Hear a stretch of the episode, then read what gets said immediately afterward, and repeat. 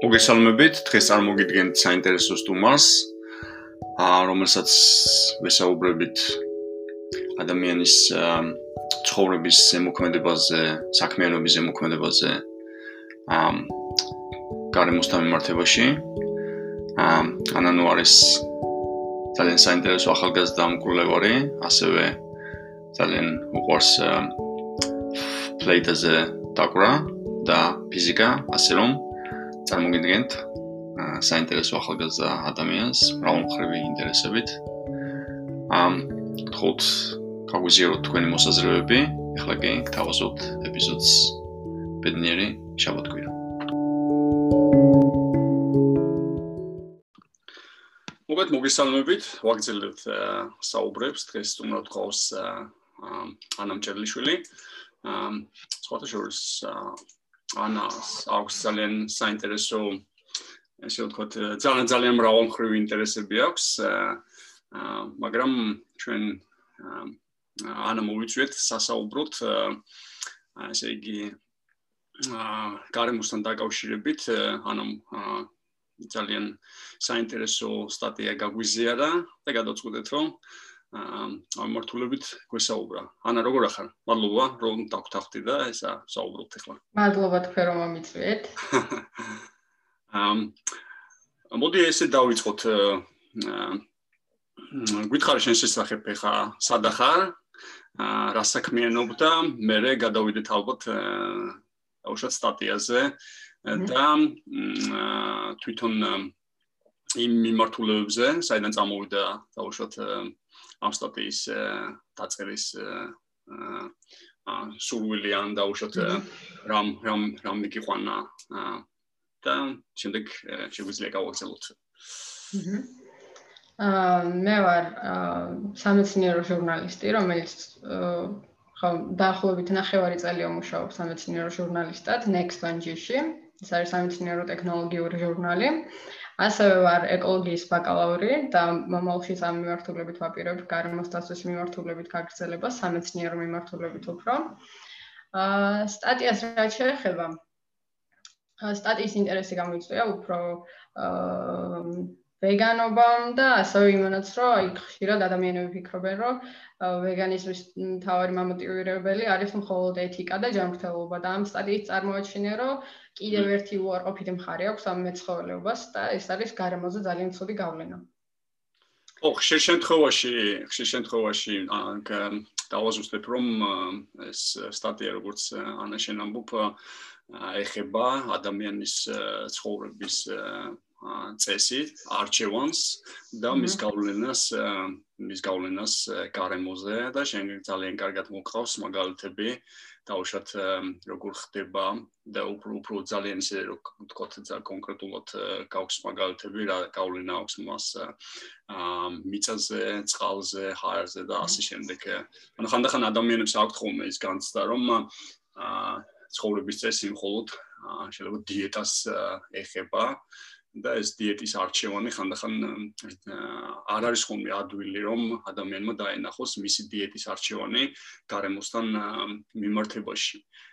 გითხარი ამის შესახებ რა არის ინსპირაცია საიდან წამოვიდა? ვიცი რომ შენ ცხოვრების წესი, შენ რაღაცნაირად შენი გადაწყვეტილება აა ძალიან ახლოს არის შენ ცხოვრების წესი და უშუალოდ იგივე გარემოსთან აა იგი იგი იგივე დაუშვათ ვეგეტარიანულ ვეგანურ ცხოვრების წესთან ხო რა რა გამოცდილება გვაქვს გითხარი შენ გავგზია შენ გამოცდილება მოკლედ პირველად ვიყავი 16 წლის, როცა ვეგეტარიანობაზე და ვეგანიზმზე წავიკითხე ეს ყველაფერი და მაშინ ჩემი მთავარი мотиваცია, რომ ყოფილიყავი ვეგეტარიანი, იყო ზუსტად ეს გავლენა გარემოზე. აჰა.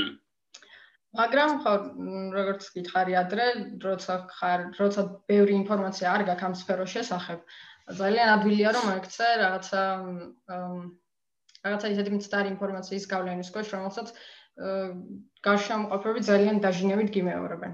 აჰა.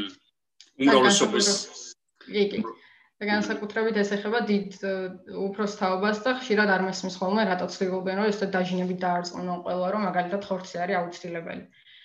და დაახლოებით 1-2 თვის მერე შევწყვეტე მაშინ ვეგეტარიანობა. მე ანუ საზოგადოებრივ საზოგადოებრივი რაღაც ესეთი წნეხი წამოვიდა და იგზენი შენ და რაღაც თან ისეთ სულ რაღაცებს გეუბნებია ხოლმე რა თუ არ გაქვს ინფორმაცია ძალიან მარტივია რა დაიჯერო ეს რაღაცები. აა შემდეგ შემდეგ რა თქმა უნდა. ხო. ხო შემდეგ რა მოხდა? და მე უკვე დაახლოებით მე მეტი ინფორმაცია წავიკითხე რა თქმა უნდა ამაზე და უფრო ამაღლებული ცნობიერება მქონდა და ეხა უკვე იმას აქშია რომ ესე მარტივი არ არის რომ ვიღაცამ რაღაც დამაძალოს და შემოცლევინოს აზრი. ო სუპერ. ეხა უკვე ძალიან მაგარია. ძალიან მაგარია, ეხა ძალიან ბევრი ადამიანს აძლევს სტიმულს შენ თოლა ვისაც დაუშვათ ეს გადაწყვეტილება უნდა მიიღოს, ხო? იმიტომ ძალიან დიდი გადაწყვეტილება არის, რომ ერთი არის რომ რაღაც პასუხისგებლობა კონდეს განიცდიდე და მეორე არის ძალიან კონკრეტულ გადაწყვეტილებამდე მიხვიდე.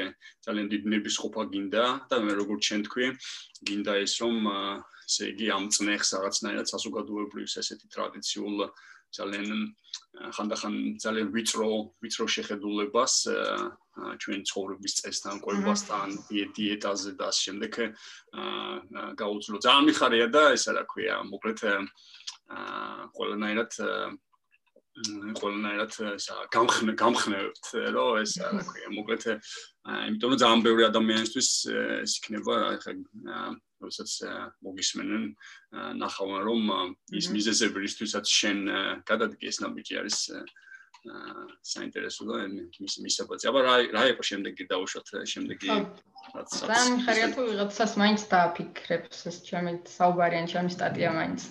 ხო, შემდეგ უკვე შარშან წინ გავხდი კიდე ერთხელ ვეგეტარიანელი უკვე მეორედ და მაშინ უკვე მთავარი мотиваცია იყო ეს ეთიკური მიზეზები, ცხოველების წამება და ასე შემდეგ. და რა თქმა უნდა, დანარჩენი ის მიზეზები ისეც ვიცოდით, გარემოზე ზემოქმედება, ჯანმრთელობაზე უარყოფითი ეფექტები, მაგრამ უკვე აა ხო, როგორც აღნიშნე, მთავარი მიზეზი იყო ეს ეთიკური ხარი ამ ხორცის და ცხოველური პროდუქტების მოხმარების. ხო, ხანდახან საქართველოს ისაც ძალიან მიყვარს ცხოველები, ფინალური ცხოველებიც, რა თქმა უნდა. მესმის. კატები და ზაღლები.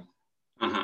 როგორ ფიქრობ შენ საქართველოსში როგორ არის ეს იმიტომ ხანდახან საქართველოს პატარა ქვეყანა და ხშირად ხშირ შემთხვევაში არ არის ამის განცდა რომ ჩვენ ცხოვრებს რაღაც ესე ცუდად ვექცევით. შენ როგორი გამოცდილება გაქვს?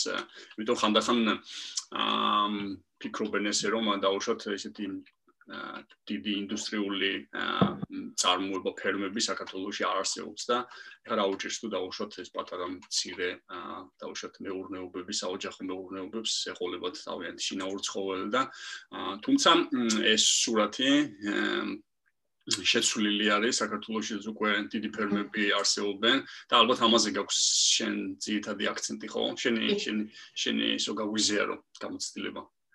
ის სტადიაში ისიც მიწერია, რომ არის ადგილები, სადაც მაგალითად ხორცის მოყვანა უფრო ოპტიმალური ვარიანტი არის და უფრო ეფექტიანია, ვიდრე სცენარების, მაგალითად სცენარების კულტივაცია ისეთ ადგილებში, სადაც არის ნახევარ უდაბნოს და უდაბნოს ზონებში, სადაც უფრო დაბალია ნიადაგის ნაყოფიერება, სადაც კლიმატი არის ცვალებადი, იქ ალბათ ნაწილობრივ ცხოველური პროდუქტების მოყანა უფრო ეფექტიანი გამოსავალი იქნება. ეს ალბათ ტრადიციულ შემთხვევაში, ხო? იმიტომ რომ დღეს თანამედროვე ტექნოლოგიების შემთხვევაში რეალურად მიწა არ გჭირდება და ერთ-ერთი საინტერესო პროექტი არის ესეთი აა წყლის მებაღეობა, როდესაც ფაქტიურად წყალი არის ძირითადი ესე ვთქვათ ესე ესე იგი წყლისგან ხდება, წყალში გახსნილი მინერალებისგან ხდება, ესე იგი მოულა და მოყვანა მცენარეების, ისე რომ ფაქტობრივად მიწის გარეშე და როდესაც პერიოდ 90% წყლის რესურსებისას ზოგავ შესაბამისად ეს შესაძლებელია შენ აღნიშნული გაქვს საინტერესოა? ალბათ უფრო ტრადიციულ ტრადიციულ საზოგადოებებში შესაძლებელი იქნება თუმცა ეხლა უფრო მეტი შესაძლებლობა ამის და მოკლედ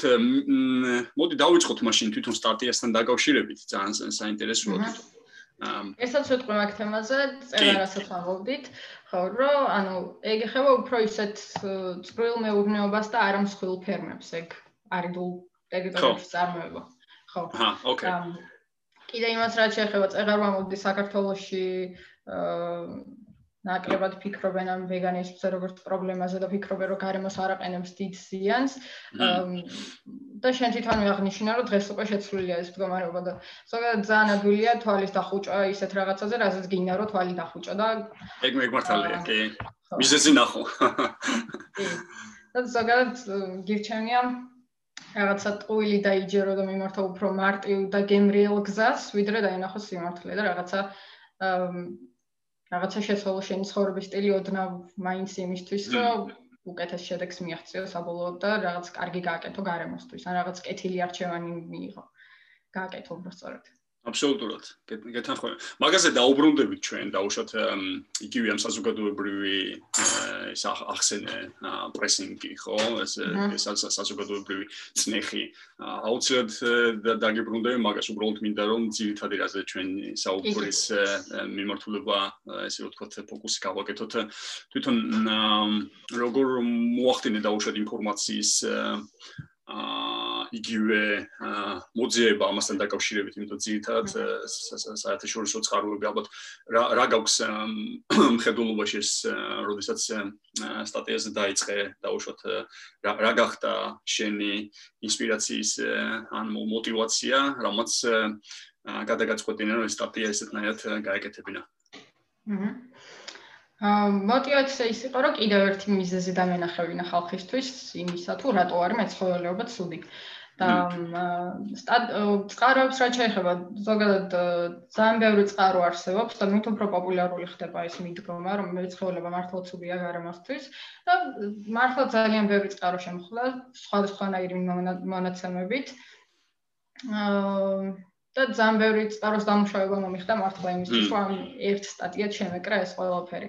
თუმცა რა თქმა უნდა, არის ბევრი წყარო, რომელიც პირიქით ეწინააღმდეგება ამ მიდგომას და მე პირიქით მინდოდა, რომ ზოგადად მე დამეწერა ისეთი სტატია, რომელიც აა დაანახებდა ძალიან ბევრ ხალხს თუ სინამდვილეში რა ხდება და სინამდვილეში რატო არის ეს ინდუსტრია ცუდი, იმიტომ რომ აქ ზოგადად ისეთი რიცხვები მაქვს მოყვანილი, რომლებიც მეც ძალიან გამიკვირდა მიუხედავად იმისა, რომ ბევრი მქონდა წაკითხული ამ სფეროზე. მაგალითად, ის რომ ყოველ დღე 117 სახეობა იკარგება გარემოში. აბსოლუტურად. ძალიან გიჟური რიცხვი არის ცოტა ეგ და დაუჯერებელი. კი. კი, კი, კი. საინტერესოა ეხლა ხანს იყოს ხოთა შორის ინგლისელი მეცნიერის საინტერესო ფილმი გამოვიდა დევიდ ატენბერგის, რომელიც საუბრობს ზუსტად მაგ მიმართულებაზე ახალ ფილმში. და ზუსტად მაგ თემებია, რაზეც შენ საუბრობ და საუბრობს როგორი კარგება დაუშვათ პლანეტარული ცხოვრება ხო? დაუშვათ რა უამრავი უამრავი სახეობის ცოცხალი ორგანიზმის გადაშენება ხდება და ეს ზუსტად არის სამწუხაროდ გამოწვეული ადამიანის არჩევანის არჩევანს უკავშირდება. რა შეიძლება დაუშვათ რომ რა იყო კიდე დაუშვათ ამ ამ ამ სტატიაზე მუშაობის პერიოდში აღმოჩენები რაც თვითონ შენთვის შენთვის ძალიან საინტერესო იყო. აა ყველაფერი, აი ხო ვიცოდი ბევრი რაღაც, მაგრამ მაინც ყველაფერი იყო საინტერესო. აი თქვათ ატმოსფეროს დაბინძურება, არ ვიცოდი რომ მეორე ადგილზე იყო ატმოსფეროს დაბინძურებით ეს სფერო, ანუ სათბურის აირების გამოყოფას გულისხმობ, იმიტომ რომ ორ მხრივ აბინძურებს რა ეს მეცხოველეობა ატმოსფეროს. ერთი ის არის რომ სათბურების სათბურის აირებს გამოყოფს ძალიან დიდი რაოდენობით და მეორე ის არის რომ ამ ცხოველების ნარჩენები და მაგალითად ის ჰორმონები თუ რაღაც ანტიბიოტიკები რაც გარემოში ხდება ქარისთან ჰაერის მასების საშუალებით გადაიტანება ჰაერში და ჰაერში ხდება პირდაპირ ეს უკვე დამობინძურებლები და მეორე ერთვება კვებით ჯაჭვში და იწევს რაღაც ჯანმრთელობის პრობლემებს როგორც ადამიანებში და ასე რა თქმა უნდა ცხოველების კვებით ჯაჭვში ხდება. ო ეს ძალიან საინტერესოა. ძალიან საინტერესოა რასაც ამბობ, იმიტომ რომ მიუხედავად იმისა დაუშვათ რეგულაციებისა და დაუშვათ შეზღუდვებისა, რაც ესეთ დიდ დიდ ესეთ დიდ ბიუჯეტის ფერმებს აქვთ, ხომ ისინი ვერ ახდენენ, ეხლა რაც შენ ჩამოთქო, ჩამოთვალე იმ ფაქტორების დაზღვევას, იმიტომ რომ ამ ბაქტერიების დაუშვათ გავრცელება აქ არის მიერ იგივე გარეთ მოხვედრა და შემდეგ უკვე კვები კვებით ჯაჭში მოხვედრა. და საბოლოოდ მე ადამიანში ეს ფაქტიურად შეუძლებელი არის და როგორი სანიტარიული ესე ვთქვათ ჰიგიენური ნორმებიც არ უნდა დაეცვან მათ ფაქტიურად შეუძლებელს ხდის ამ საინტერესოა ძალიან საინტერესოა თვითონ როგორ მე დავუშვათ იგივე სტრუქტურა ეს სტატია როგორ აქვს აგებული. რა იყო დავუშვათ რა მიმართულება არის შენი ყველაზე ესეთი რასაც გამოყოფდა? დავუშვათ სად ხედავ რომ ეს ამ ამ ამ სტატიის დავუშვათ ამ კვლევის ამ ამ კვლევის ესე ვთქვათ თვითონ ეს მონაცემები როგორ შეიძლება საქართველოს რეალობაში სათხედავა ამ კვლევის დაუშვათ შედეგებს იგივე აა ხო.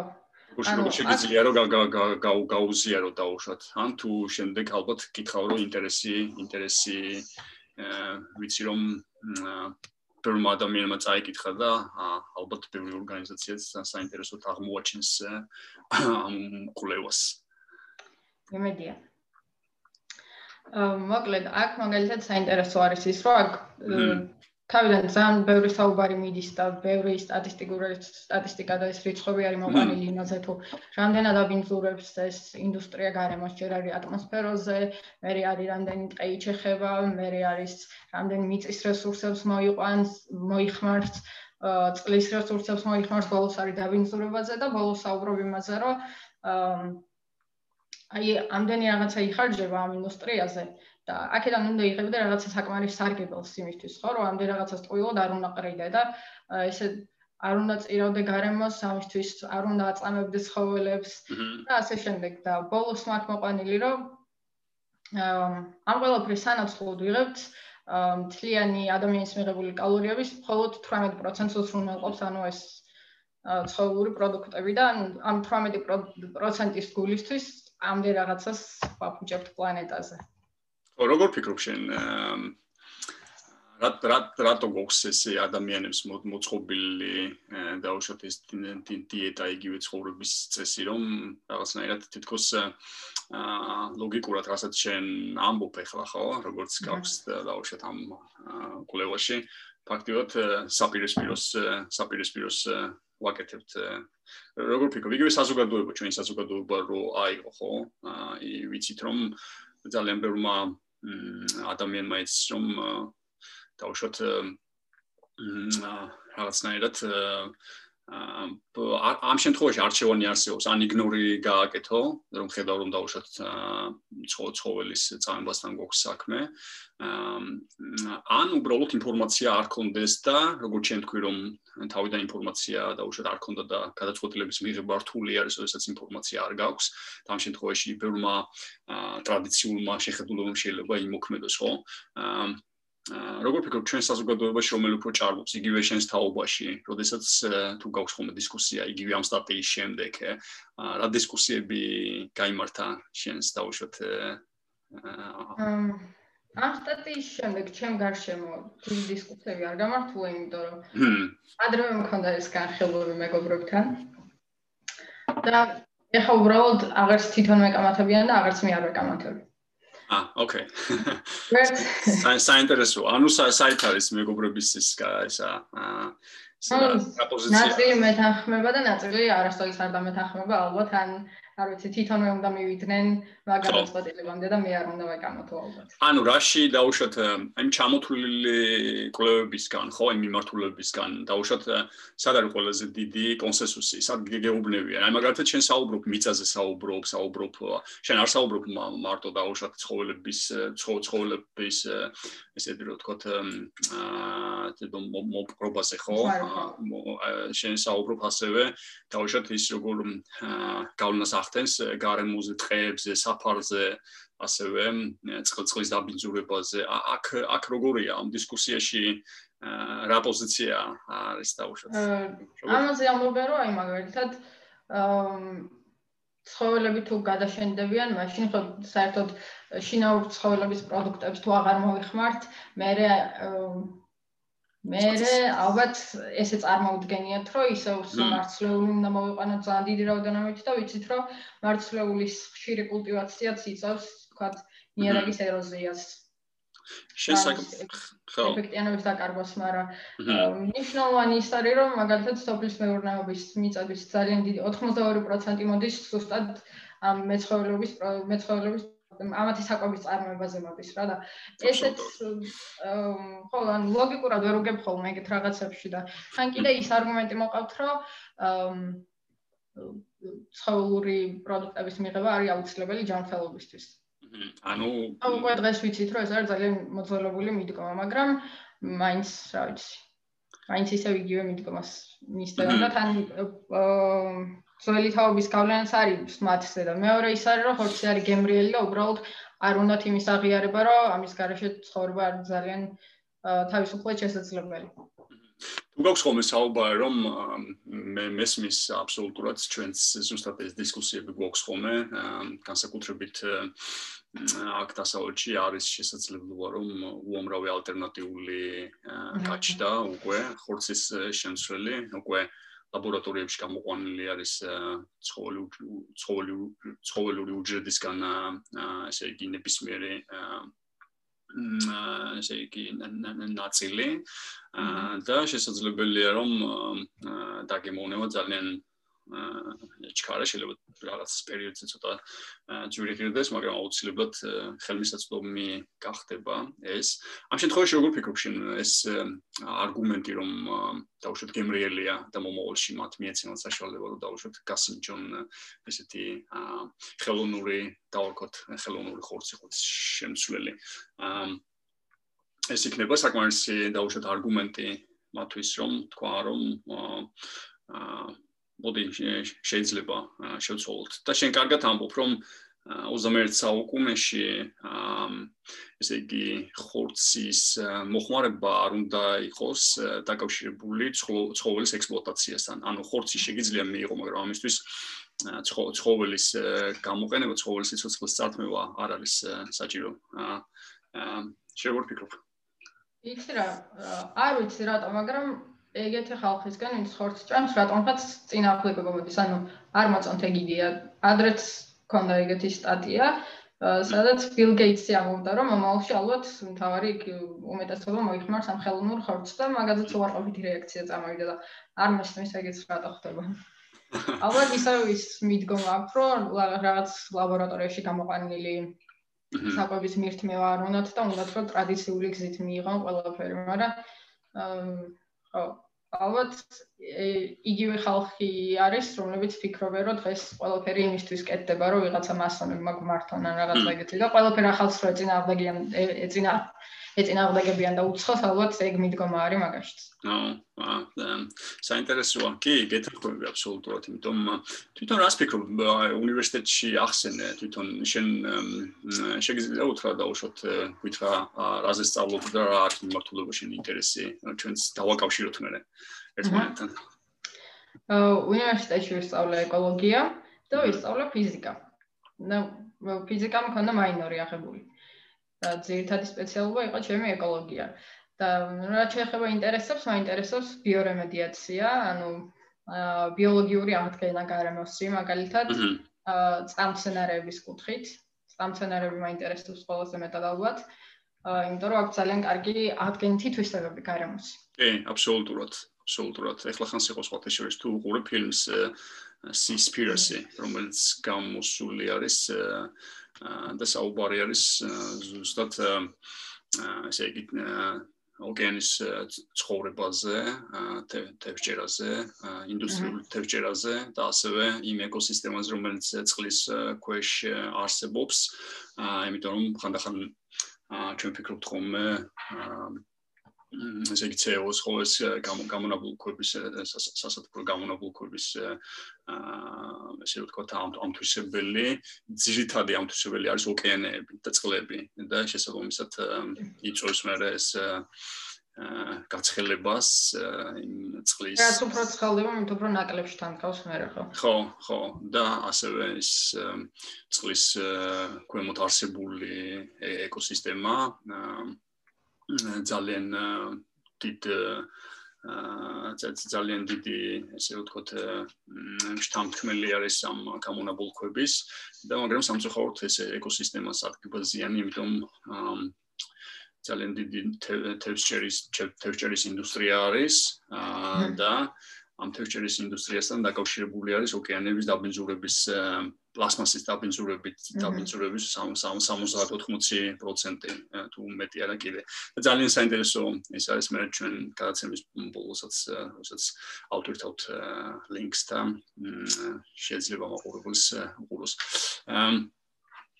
ამ როგორ ფიქრობ ხო, საინტერესო რაც თქვია ეკოლოგიასთან მიმართებაში, თუ შენი აა როგორ ფიქრობ საქართველოს სად ვართ მაგ მიმართულებით? შენ დაგვირგვი როგორი არის?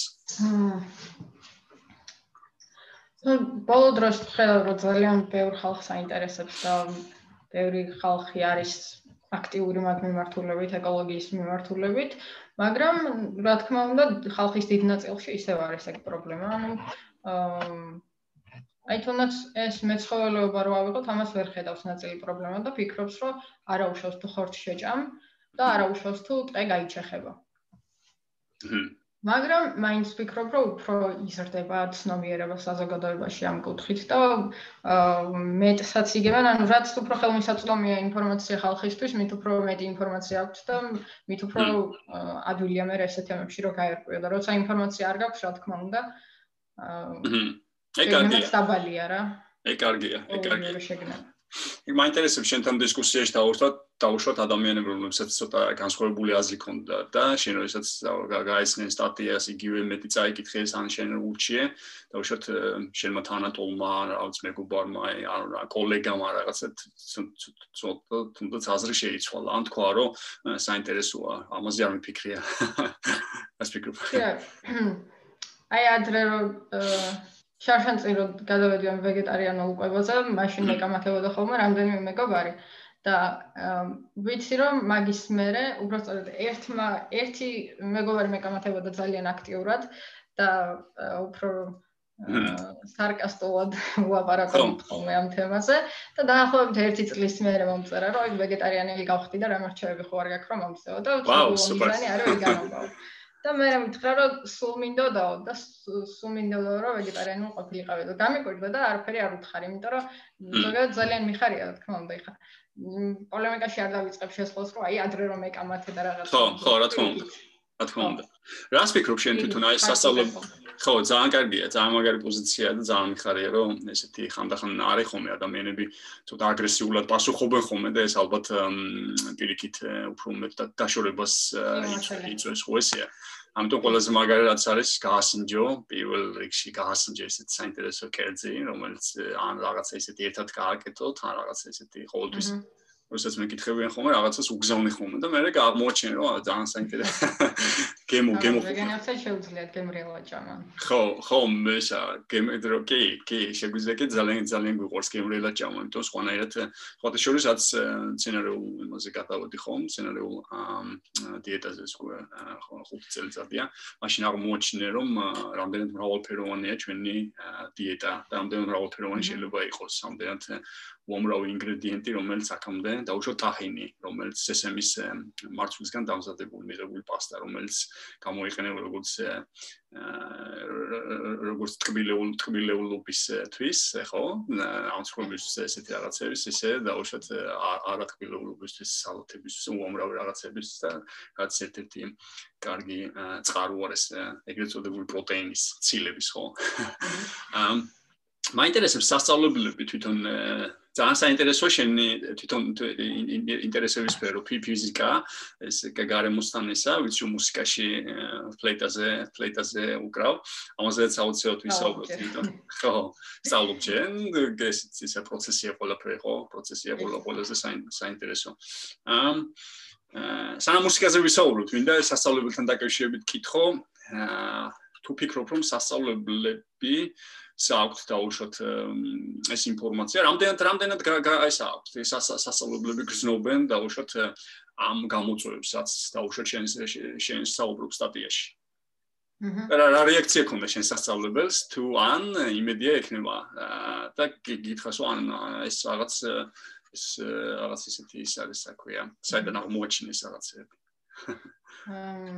არ ვიცი სიმართლე რა გითხრა, უნახავთ თუ არა ეს სტატია, მაგრამ მახსოვს რომ ხო, სასწავლებლებში მაგალითად ვეგეტარიანულ კვების სტილს ეწინააღმდეგებოდა ერთი ყველაზე პატივსაცემი ლექტორი ჩვენი, რომელიც გვიყვებოდა რომ ვეგეტარიანელები ვერასდროს ვერ იღებენ რაღაც საკმარისი რაოდენობის ნუტრიენტებს მინერალებს და ვიტამინებს და რაღაცა საშინელი ისტორიებს გვიყვებოდა ვიღაცა ვეგეტარიანულ კაცს რომელიც მალე გაჭაღარავდა ვიღაცა მალე მოკვდა ვიღაცა შვილი მოუკვდა და ასე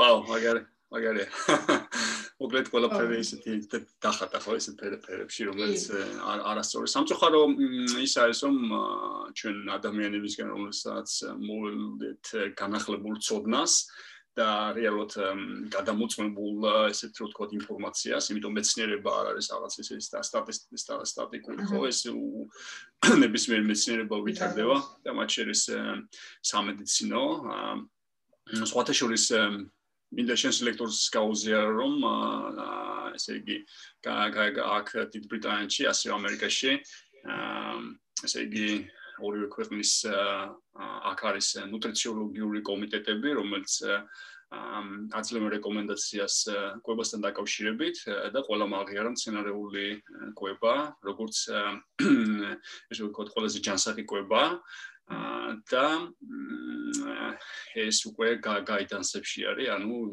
რეგულაციები, რომლებიც კვებასთან დაკავშირებით არის, ეს უკვე აღიარებული არის და მეცნიერების მიერ მხარდაჭერილი არის. ამიტომ ლექტორებს ძალიან თხოვ რომ ხშირად უნდა გადაამოწმონ ხოლმე ის ინფორმაციები განსაკუთრებით თუ მათ სფეროს არ ეხება ჯობია რომ ყოველ შემთხვევაში გადამოწმებ გადამოწმებელი ინფორმაციით არ არ მიიტანონ სტუდენტებამდე. თუმცა კარგი არის ისიც რომ ესა სტუდენტი დაუშვათ. შენ შენ როგორი რეაქცია იყო ამ შემთხვევაში მაშინ არ მქონდა ბევრი ინფორმაცია და არაფერი არ შევიწინააღმდეგე. თან გაჩნია ლექტორს, ახლა ყველას ვერ შეეწინააღმდეგები, იმიტომ რომ ზოგი უბრალოდ არ მოგისმენთ. ეგეთ ეგეთი შემთხვევა იყო ალბათ. მესმის. ანუ არის კიდე ეს დარჩენილი, რომ ესე იგი ლექტორს გქონია, რომ მას ის მას უყრია რაღაც ესეთი განსაკუთრებული ცოდნის წყარო აქვს და მხოლოდ მამას შეუძლია რომ რევიზია შეიძლება. არის საინტერესოა, საინტერესოა. აა მოკლედ დიტაობას აქვს ყოველთვის, ეგ რომ მეტი გამოცდილება აქვს და ფიქრობ რომ მეტი იციან მიუხედავად იმისა, რომ ახლა ძალიან დიდი რაოდენობით ინფორმაციის მოპოვება შემიძლია მის გარეშეც, თქვა ინტერნეტით, ხო? აბსოლუტურად, აბსოლუტურად. ეგ არის ყველაზე კარგი გზნობა, ხო? რომ შეგიძლია რომ ეგრევე, როდესაც რაიმე დამოკიდებულა. ხო, გააკეთო ისა. აა შეიძლება კითხო რა რა წყაროებს და იმას კენ დაუშვე ამ ძალიან ბევრი კვლევა გაქვს აკეთებული, ძალიან საინტერესო კვლევა გაქვს აკეთებული. აა ცირთადად აა დაუშვეთ როგორ მოახდინე ამ ინფორმაციების დაუშვეთ რაწყაროებს გაქვს აქ მაქვს გამოყენებული ძირთადად 2019 წლის კვლევა რომელიც ეფუძნება თავის ძალიან ბევრ კვლევას და იქ იყო ყველაზე თანამედროვე მონაცემები რისი მოპოვება შეძლი ასევე მაქვს რომელიღაც ორგანიზაციის კვლევები 2011 წლის. საიდანაც რამდენიმე მითითებულიც კი მაქვს 2011 წლის მონაცემები გამოყენებული მაგალითად თევზების მეურნეობაზე რო საუბრობ, რომ მაგალითად ერთ წელში 179 მილიონი ტონა სათბურის აირებს გამოყავს ეს მეურნეობა, მაშინ როცა რაღაცა პერიოდის მანძილზე მიიჩნეოდა, რომ ეს ეს იყო ერთი სექტორი მეცხოველების, რომელიც ყველაზე ნაკლებ გავლენას ახდენა გარემოზე, მაგრამ მე აღმოჩნდა, რომ პირიქით ძალიან დიდ გავლენას ახდენს. კი, აბსოლუტურად, აბსოლუტურად. და ეს ფილმიც რო ვახსენეთ, დოკუმენტარული ფილმი, უბრალოდ უამრავი ის არის მოყვანილი, ესე ვისაც დაინტერესებს უფრო მეტი ის გაგება. კარგი იქნება თუ უყურებს ამ ამ ფილმს. ამ იდე ერთი სტატია მაქვს გამოყენებული 2020 წლის ეს სათბურის აირების მონაცემები იქიდან ავიღე, იმიტომ რომ ადრე მქონდა წაკითხული ბევრგა, რომ 18%-ზე იყო პასუხისგებელი ეს სექტორი და მე ბოლო სტატიებით ვნახე, რომ 14.5%-ია. მაგრამ მაინც აღემატება ტრანსპორტის გაფრქვევებს. ო, ეგ სხვათა შორის ჩემსაც აღმოჩენა იყო, როდესაც გავიგე ინფორმაცია, რომ ესე იგი ყველა სატრანსპორტო საშუალება ერთად ახებული უფრო ნაკლებს დაუშვათ უფრო ნაკლებზე გაუნას ახდენს გარემოზე, ვიდრე ფერმეის დაუშვათ საკონლის მეურნეობები. ამ შემთხვევაში მოქს დაუშვათ ის რძის მეურნეობა, რომელსაც რომელიც ხო ძროხებს ესე ვთქვათ იყენებენ რძის მისაღებად, ხო? და დაგროვებული CO2 ხო რაც გამო გამონაბოლქვები აა ესე ესე იგი უფრო მეტად უფრო უფრო აღებული ამ ყველა ტრანსპორტის სახეობასთან სახეობასთან მიმართებაში აჭარბებს და ეს არის ძალიან საგანგაშო. როდესაც და შენს სხვადასხვა ძალიან საინტერესო სტატისტიკა გაქვს მაჩვენებლები მუტანელი ადამიანის არჩევანი დაუშვათ იგივე კვებასთან დაკავშირებით აა როგორ რა გავლენას ახდენს ხო? ხო, როგორ რა გავლენას ახდენს და როგორ ზოგავს დაუშვათ გარემოზე მიყენებულ ზიანს ეს აა ხო, აი მაგ ქონდა მოყანილი რომ ერთი ვეგანი ერთი დღის მანძილზე ზოგავს რიცხვები არ მახსოვს უბრალოდ ერთი წუთით ნახავ. ხო, ერთი დღის მანძილზე ზოგავს საშუალოდ 4000 ლიტრ წყალს, 20 კილოგრამ მარცვლეულს, 2.8 კვადრატულ მეტრ წეს და 10 კილოგრამ ნახშირორჟანგს. ხო ხო და ეს მოკლედ ეს წავიკითხე სხვა შეიძლება არ ვიცოდი ეს ძალიან საინტერესოდ გაქვს ეს გაკეთებული იმიტომ არსად ეს ნაირად დაჯამებული არ არის ან ესე ცალსაკი შეიძლება ციფრები ნახო ხოლმე და უშოთ ერთი მიმართულებაზე მაგრამ ეს ძალიან საინტერესო ის არის დაჯამება და მოკლედ აა ყველა ყველა ვეგანმა ალბათ უნდა იამაყოს ასე ვეგეტარიანელმა და ასე იმ ადამიანებმა მომავალში ვისაც უნდა რომ ამ მართულებით გადადგას ნაბიჯი. ალბათ შეიძლება ახლა თქვას ვიღაცა ამას 4000 ლიტრი წყალი რა ამბოვია საიდან მოდის და უნდა ალბათ აუხსნათ ადამიანებს რომ ერთი სტეიკის ერთი სტეიკის მოცულობის ხორცი რომ მიიღო დაახლოებით აა 2000 ლიტრა წყალი მოდის. ეს არის გათვლები ესე იგი დაუშვათ აა როდესაც ზრდიან ხო მეხორცეობის ფერმაში ზრდიან ეს არის ის მაჩვენებელი რაც ჭირდება. დაუშვათ აა იმ ასაკამდე ხო იმ უბრალოდ ხო იმ ასაკამდე გაზრდას ხო. და შემდეგ აა ამ ამ პროცესის მთლიანად გავლა გავლა გავლას და იმას და ეს არის ის მაჩვენებელი რაც მთლიანად ამ პროცესს უკავშირდება. ეს არ არის მგონი იცით გათვალისწინებულია ამათი საკვების მოყვანისთვის საჭირო წყლის რაოდენობით. და კიდე ამ ყველაფერს დამატებული ის რომ ძალიან დიდი რაოდენობით წყალს აბინძურებს ეს და წყლის დაბინძურებით პირველ ადგილზეა ეს სექტორი. აბსოლუტურად აბსოლუტურად ძალიან კარგი კვლევა არის იგივე დაუშვათ ხანდახან არის ხოლმე რომ აქაც ძალიან ბევრ ადამიანს აქვთ ეგრეთ წოდებული free free range x ზახიან ისე თავისუფალი ისე თქვა გალიების მიღმა ქათმების ყოლა თუმცა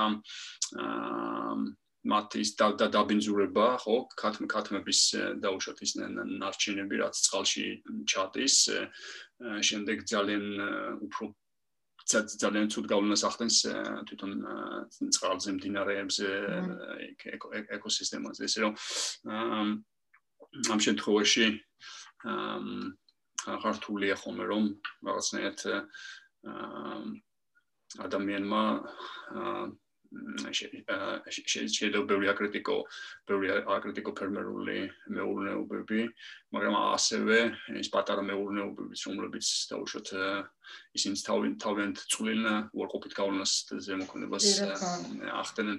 ამ შენ კარგად გაქვს აღნიშნული რომ იმ პერიოდში რასაც ადამიანების ადამიანების სოფლიოს მოსახლეობის აა საკმაოდ დიდი პროცენტი ხო სიგარების მიღმა არის ჭეთნკვებას მოკლეული მისი რაციონი და უშო ძალიან ღარიბი არის ამ დროს საუბრობ გამოსავალზე. შეგვიძლია ამაზე გითხრა.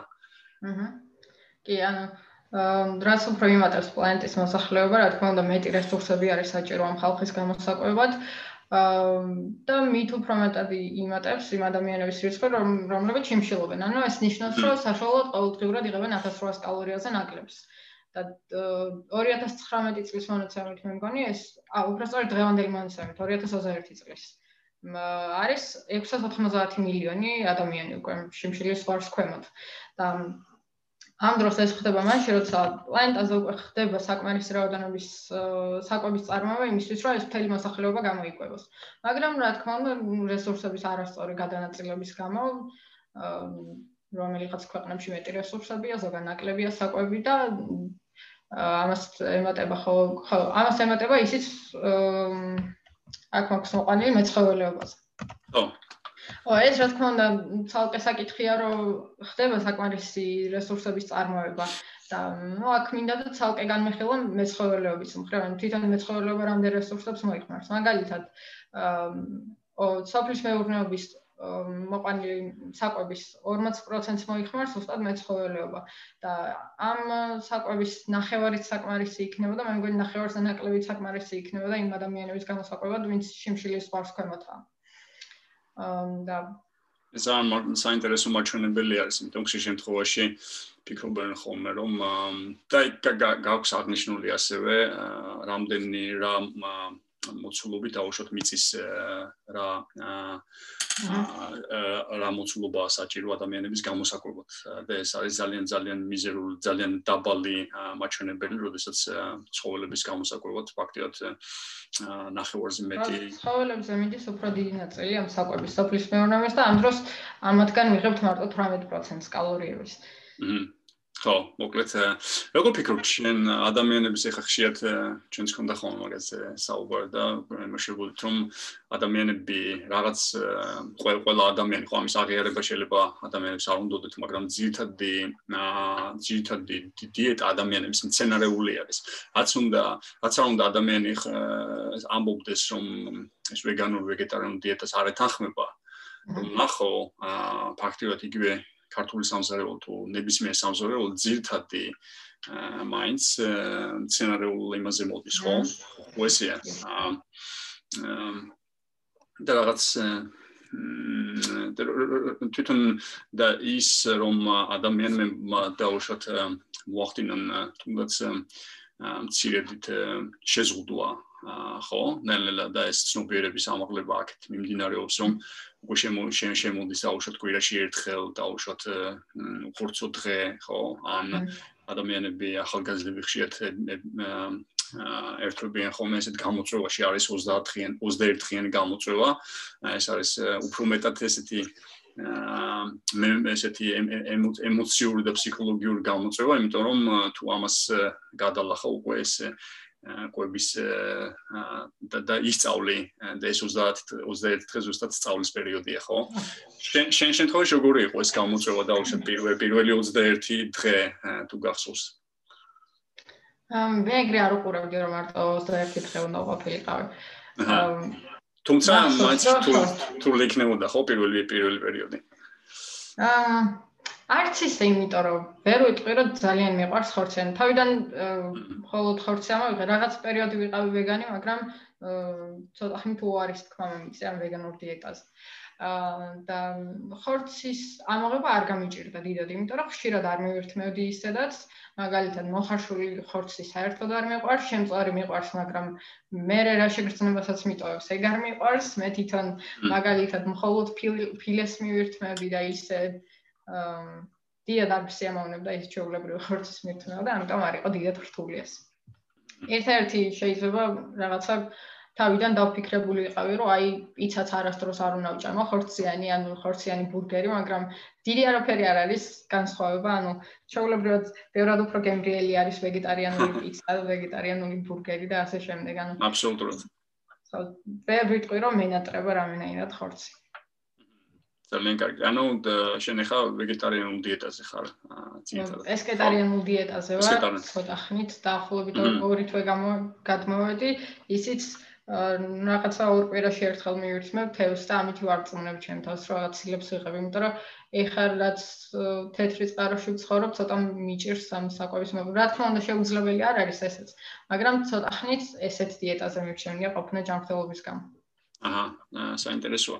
თუმცა იმედია რომ როგორც ტრადიციულად ჩვენ საქართველოსი უამრავი მარცვლეული მოყავდა და ადამიანებში დაუშვათ ოჯახებში ეს დიეტა საკმარისად იყო დაბალანსებული დაუშვათ ცილების ისა არ ვიცი ხა როგორი მაგრამ ჩდება ეხა უფრო და უფრო მეტან ცნობად ცნობადობა მარდება ამ შემთხვევაში და კარგი იქნება თუ ადამიანები დაიწყებენ დაუშვათ იგივე ამ კულტურების განვითარებას ხო? რომ თეცხარაში ფიქრობ რომ შემიძლია ჩვეულებრივ ვეგეტარიანულად გავაგრძელო მაგრამ ეს ორ კვირაში ერთხელ თევზის მირთმევა არის თქვა დავანახო მშობლებს რომ მივირთმევან სხვებს და ჩემ თავსაც დავარწმუნე რომ იმათ იმათ стереოტიპებს ვერ გები ჯანმრთელობაზე.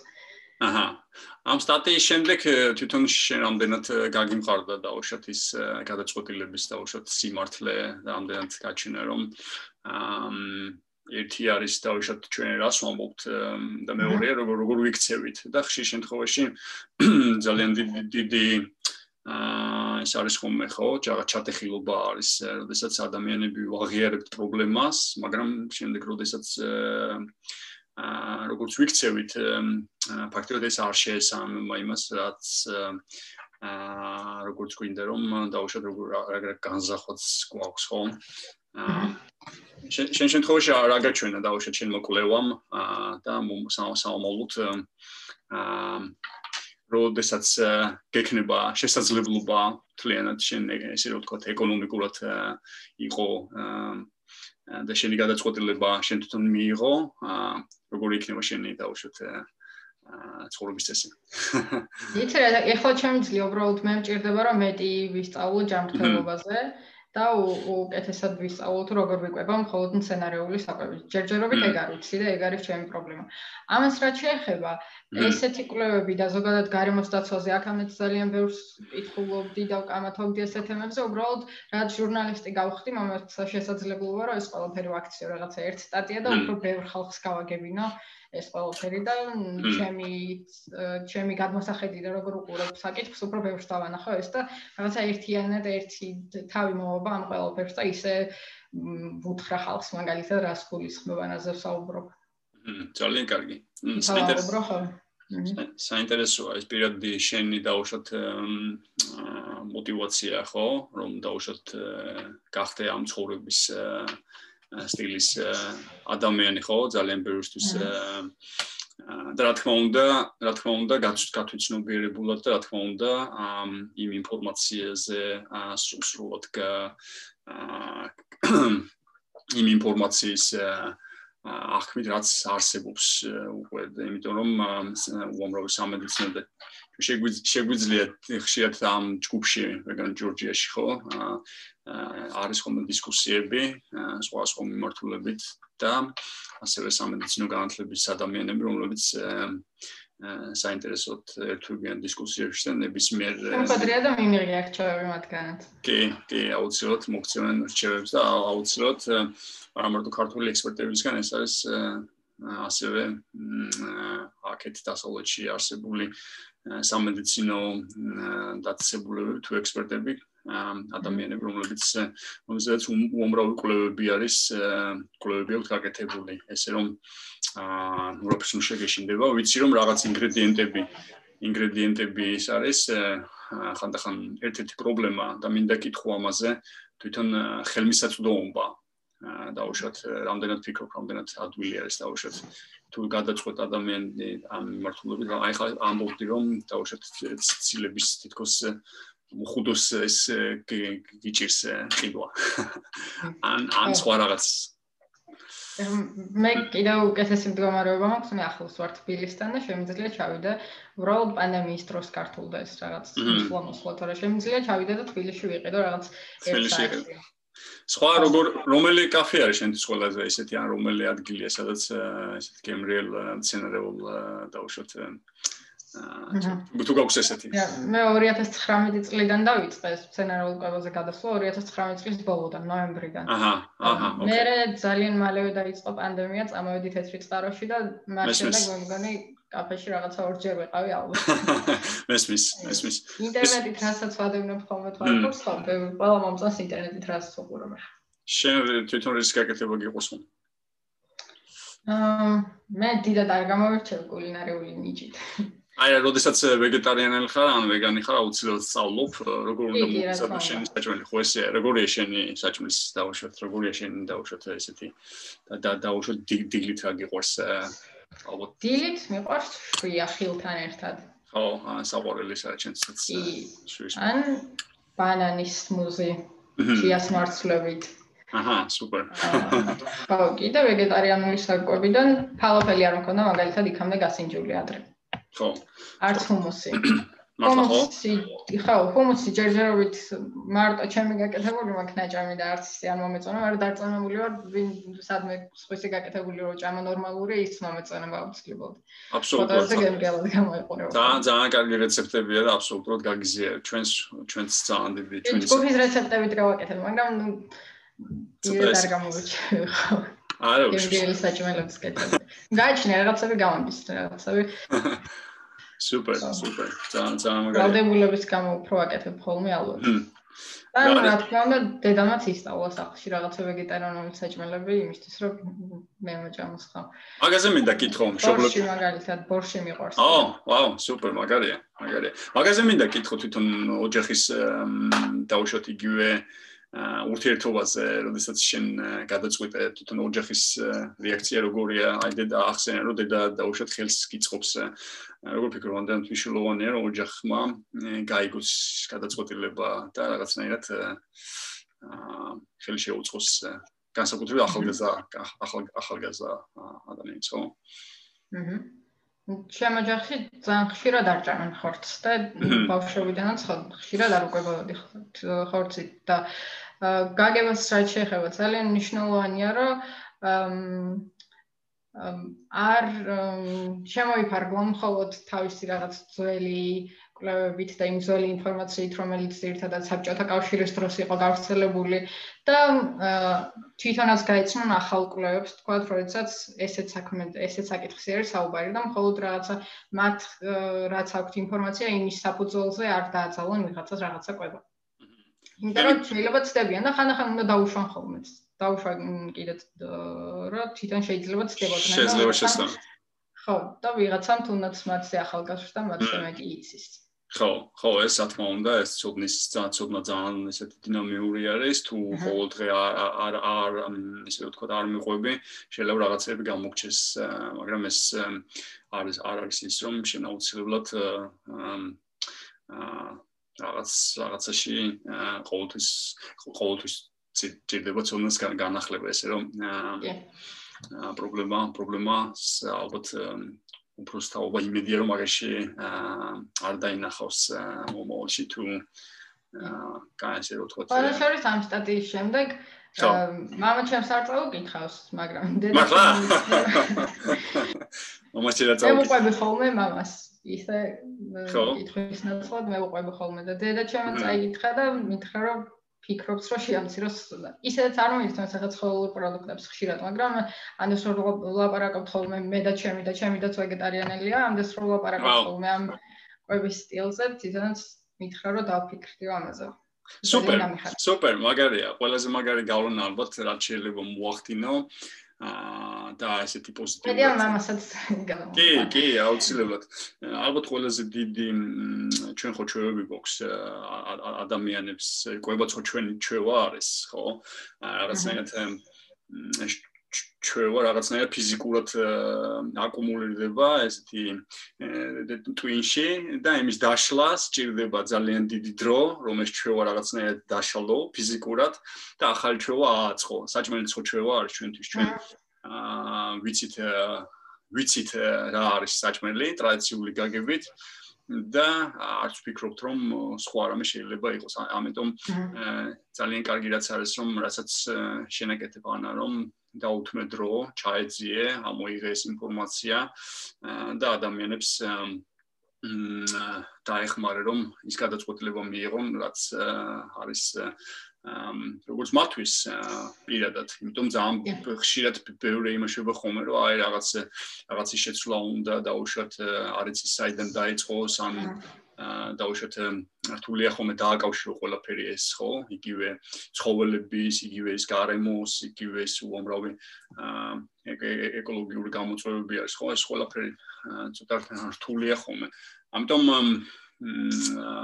მადლობა რომ ესეთი გაგაბედული სტატია გააკეთე. ესეთი კარგი კვლევა გააკეთე. აა ეხლა ცოტა გადავინაცოთ რა არის შენი ინსპირაცია ვის მუსიკასთან დაკავშირებით, როგორ მოდის შენ შენთვის მუსიკა რას ნიშნავს შენთვის მაინტერესებს? მუსიკა არის ჩემთვის განტვირთვის და გრძნობების გადმოცემის წყარო. იმიტომ რომ მუსიკა და წერა ალბათ. ხო. ხო. ან ხანახან შეიძლება რაღაცაში მ უნდა ჩადო ეს შენი მაგალითად აგრესია ვთქვათ, შეიძლება სადღაც აგრესიისთვის უფრო სპორტს მიმართავენ ხოლმე. ან შეიძლება ვიღაცაზე განაწყენება, ან რაღაცით იმედგაცრუება, სადღაც უნდა წაიღო ეს ქრცნობები და მუსიკა არის, მაგრამ მუსიკა და წერა არის მაგის გადმოცემის წყარო. აუ, საინტერესოა. ანუ რაღაც ესეთი ხანდახან საზოგადოებაში მიღებული მეტგაცრუება შეიძლება რომ ესა რა ქვია, აა play play და play play play და შეიმას გააჟ გააჟღერო ხომ, ხო? და ზოგადად შენ თავის გამოხატვის საშუალება არის ძალიან კარგი. მმ, აბსოლუტურად, აბსოლუტურად. მიხარია რომ ასევე ისე ვთქვათ, მუსიკა არის მუსიკას ესეთნაირად იმაშები აა შენ ცხოვრებაში დროს უთმობდა, ფიქრობ რომ ძალიან ძალიან კარგი რაღაცა არის. ვისურვებდი, მე ვისურვებდი რომ ესე უფრო მეტი მე ვსწავლობდი ხოლმე ესე ნოტებს ვსწავლობდი ხოლმე, ვიზებირებდი ხოლმე ნოტებს. ეგრე შეგოდი სოლფეჯიებში და ძალიან მივხვდი რომ სხვანაირად უნდა მექნა თორემ.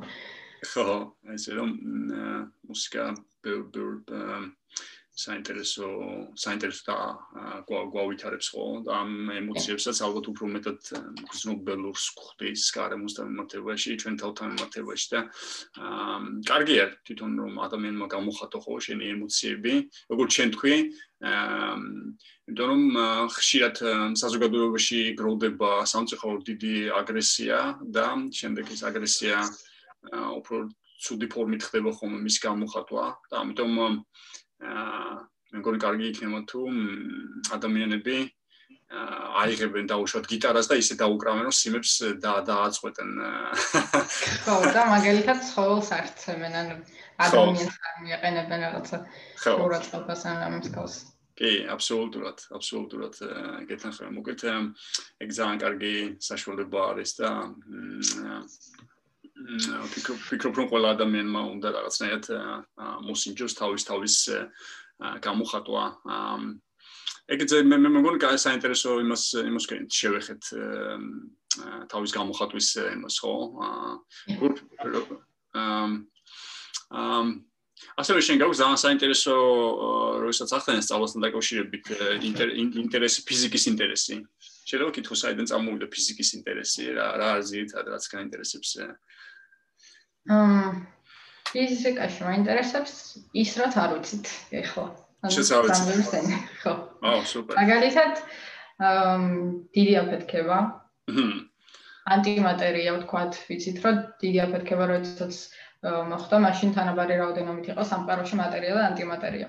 მაგრამ მე რატომ ხაც გადააჭარბა მატერია?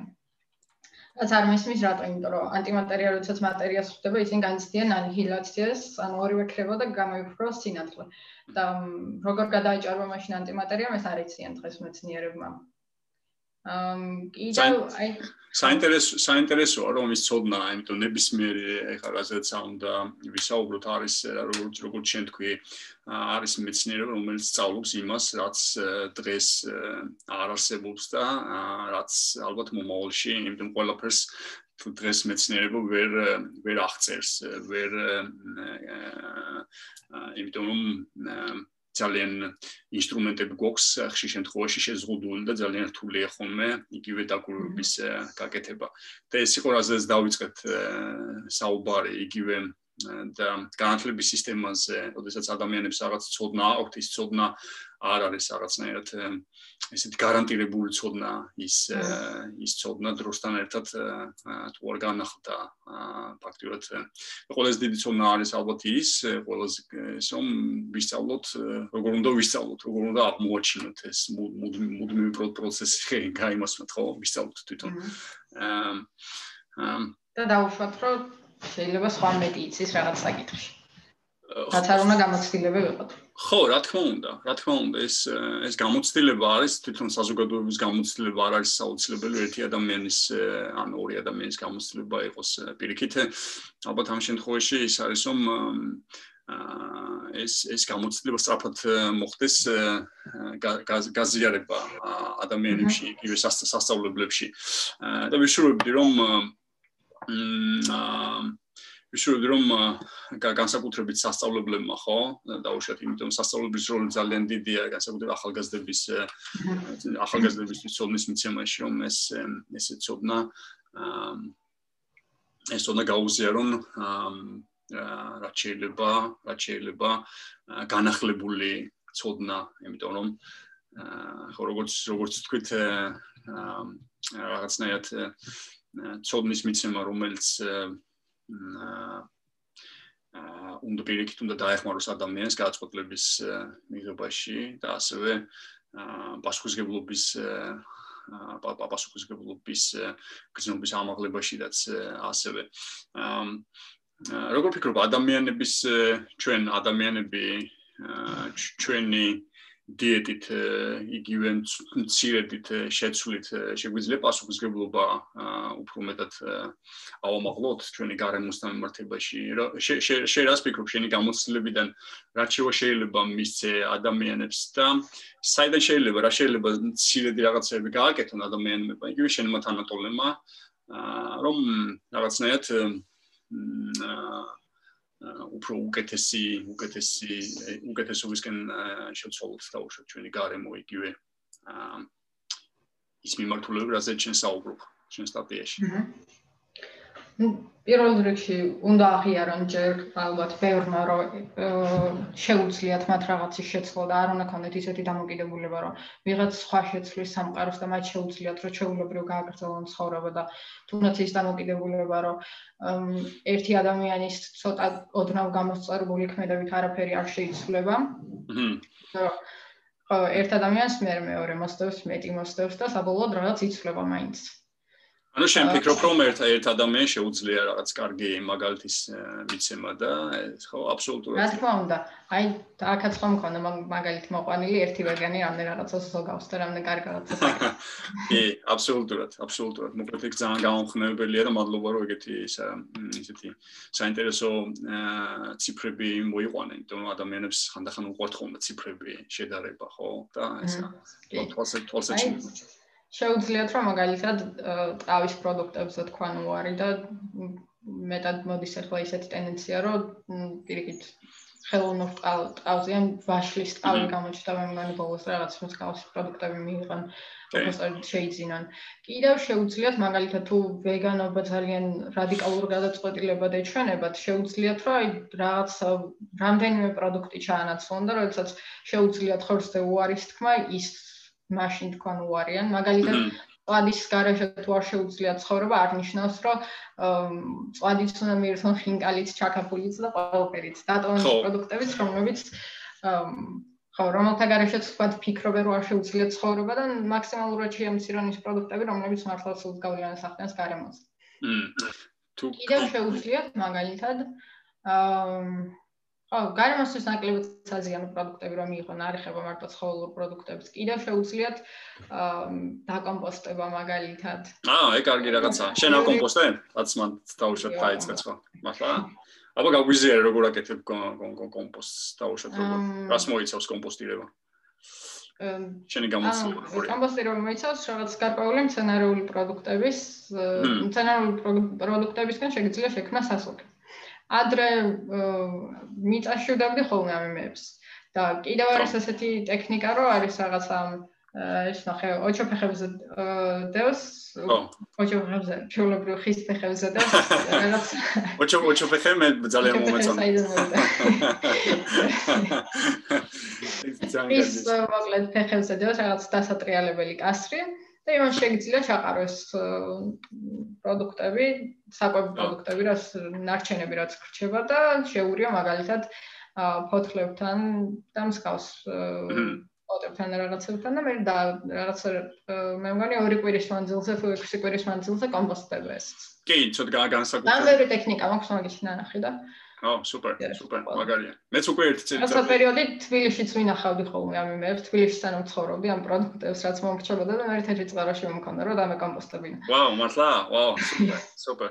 მოგეთ ძალიან ძალიან საინტერესო რაღაცებს აკეთებ და მიხარია რომ აა ბევრ ასე ვთქვათ, შენს გამოცდილებას უზიარებ ადამიანებს, იმიტომ რომ შეგვიძლია ხშირ შემთხვევაში ჩვენ ველოდებით ხოლმე რაღაცნაირად ხო სახელმწიფოს გადაწყვეტილებას ან ამ დიდ გადაწყვეტილებას, როდესაც შეგვიძლია რომ ჩვენ ადგილზე მივიღოთ ეს გადაწყვეტილება ხო თითოეულმა ოჯახმა, თითოეულმა ადამიანმა მე ეს რაღაცას ავამატებ. ავამატებ. აი გამიგია ვიღაცებისგან რომ ამბობენ ცხოველურ პროდუქტებზე უარს, მაგრამ არ იძახიან ამას ხმამაღლა, იმიტომ რომ არ უნდათ რომ ვიღაცასთან დაიწყონ კამათი, ან ფიქრობენ რომ ამითი რაღაც ზედმეტად დიდი ისეთ მყირალა განცხადებას აკეთებენ და არ უნდათ ამის გაკეთება, მაგრამ პირიქით ჩემი აზრით უნდა ილაპარაკონ ამაზე, რომ გარშემოყოფებსაც გააგებინან ამ ამისი დადებითი მხარე.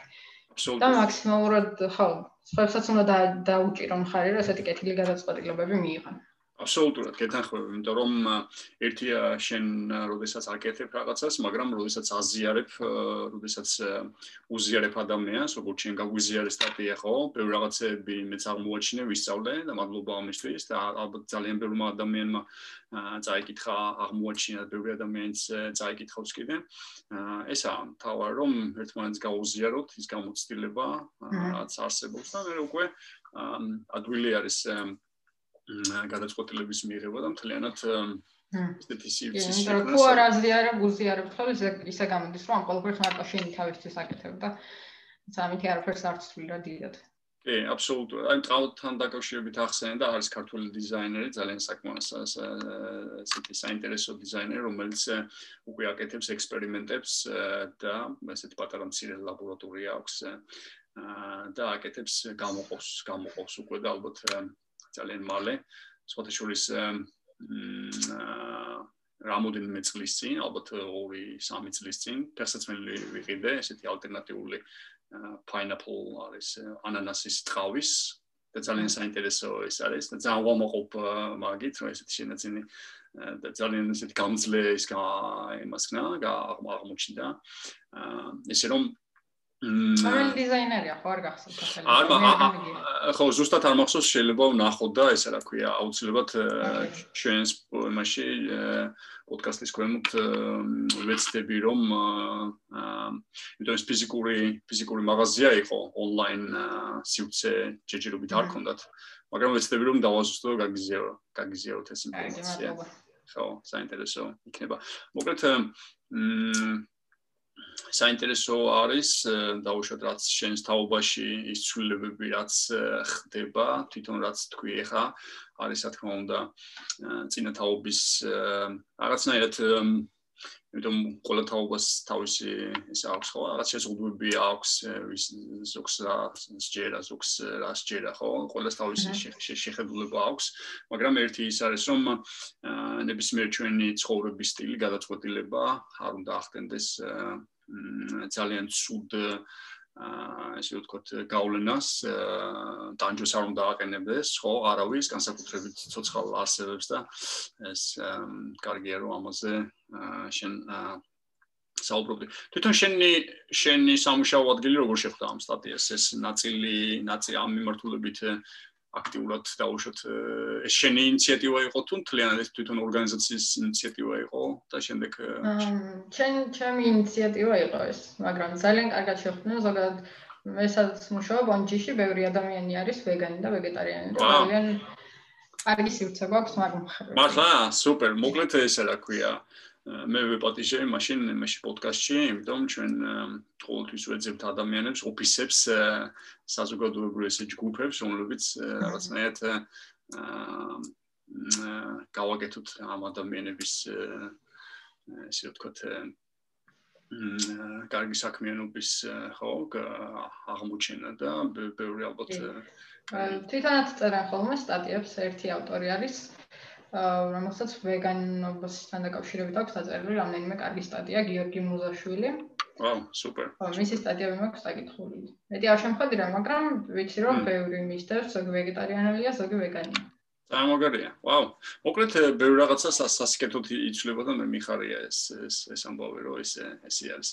ამ მოკლედ თუ თუ გაქვს კიდე მე მე მგონი ფეხა პირდაპირ ეს დეტალებში შეიძლება ჩვენ სტატია არ განვიხილეთ, მაგრამ ალბათ ის სულისკვეთება რაც არის ხო და უშუალოდ ის გადმოვეცით, შენ დამოკიდებულება გადმოვეცით ადამიანებს პირველ რიგში აინტერესებთ ის დაუშვათ სტატიის მიღმა, ვინ არის ადამიანი, რა ცხოვრების წესი აქვს, რომ ამას ხშირ შეერთებაში უფრო დიდი აა სტიმულის მიცემა შეუძლია.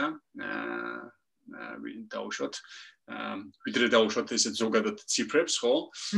ჩვენთვის როდესაც ადამიანი აკეთებს დაუშვათ მ აქვს ვეგანური კაფე ან ვეგეტარიანული კაფე, ყოველთვის მაინტერესებს მფლობელი თუ მინიმუმ თვითონ ვეგეტარიანელია ან ვეგანია ან დაუშვათ რა ცხოვრების წეს იმუშება იმუშება აკეთებს ხო თვითონ რა ცხოვრების წეს მიყვება. ამ ოკეი თუ არის რამე ისეთი რომ გაგვიზიარნელ დავასრულებთ გადაცემას მოკლედ და თუ თუ ფიქრობ რომ რამე არის ისეთ რის გაზიარებაც გინდა აუცილებლად სტატიას ვეთქვით ჩვენს აა უჩეთ მაყურებელს და მსმენელს რომ გაეცნოს ანამ ჭედლიშვილის სტატიას. ეს ამას ლინკს შემდეგ ქვემოთ იმას მე ჩავაგდებთ ხო?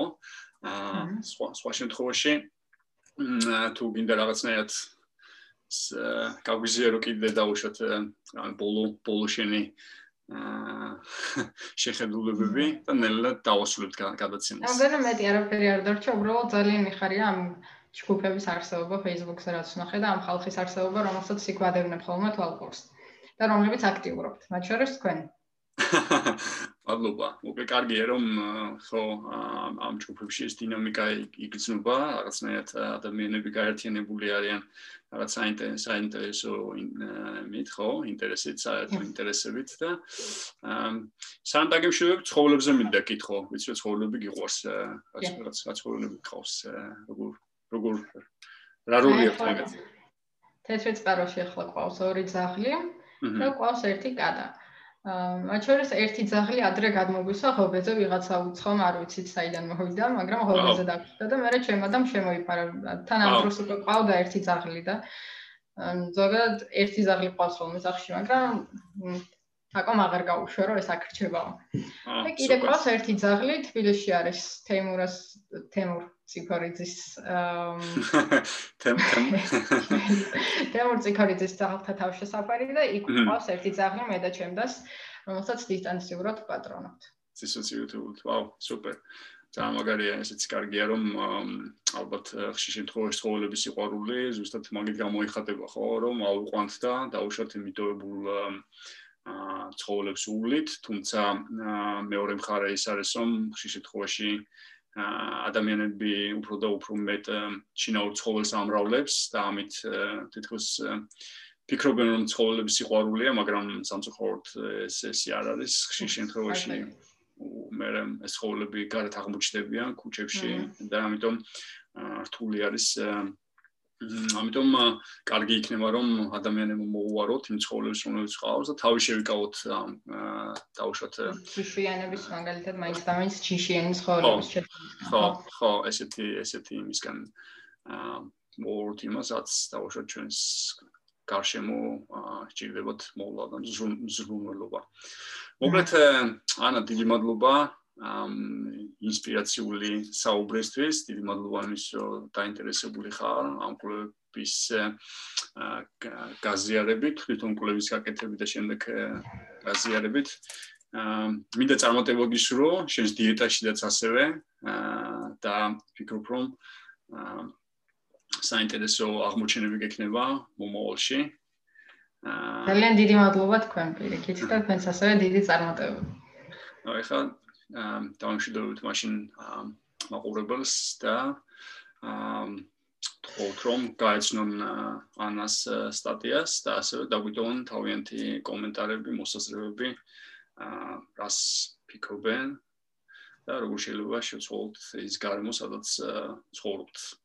მოგეთ დიდი მადლობა და გემშვიდობებით აბა დროებით. ნახვამდის. ნახვამდის.